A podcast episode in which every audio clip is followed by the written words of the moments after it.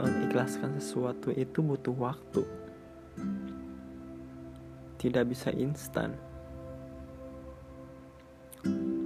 Apalagi untuk melepaskan seseorang yang begitu kamu sayang. Tidak mudah. Sama sekali tidak mudah. Hanya saja sesuatu yang memaksakan diri untuk lepas. Sekeras apa pun kamu mempertahankan, tetap saja akan lepas. Pelan-pelan saja untuk melepaskan sesuatu yang teramat kamu cintai. Tidak bisa dengan waktu seketika. Nikmatilah prosesnya. Jika harus cengeng, tidak apa-apa. Karena setiap orang patah hati punya hak untuk cengeng. Nanti waktu akan menjawab segalanya.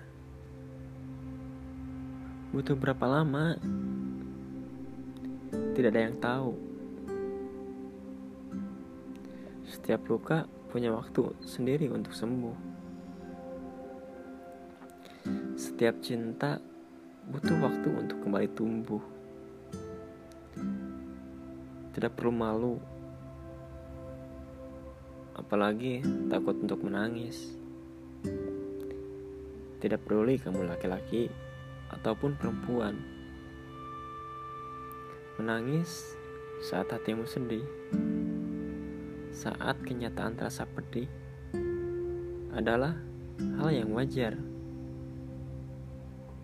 manusiawi. Dan kamu sadar, kamu masih manusia. Percayalah, sekuat apa pun seseorang, tidak ada satu orang pun yang merasa tidak apa-apa saat hatinya dipatahkan. Tetap saja akan merasa sedih tetap saja akan merasa iba hati. Apalagi jika kenyataannya yang buat patah hati adalah seseorang yang tak pernah kau duga akan melakukan semua itu. Seseorang yang begitu kamu cintai. Nikmati saja proses lukanya pelan-pelan namun pasti semuanya akan kembali membaik. Ya,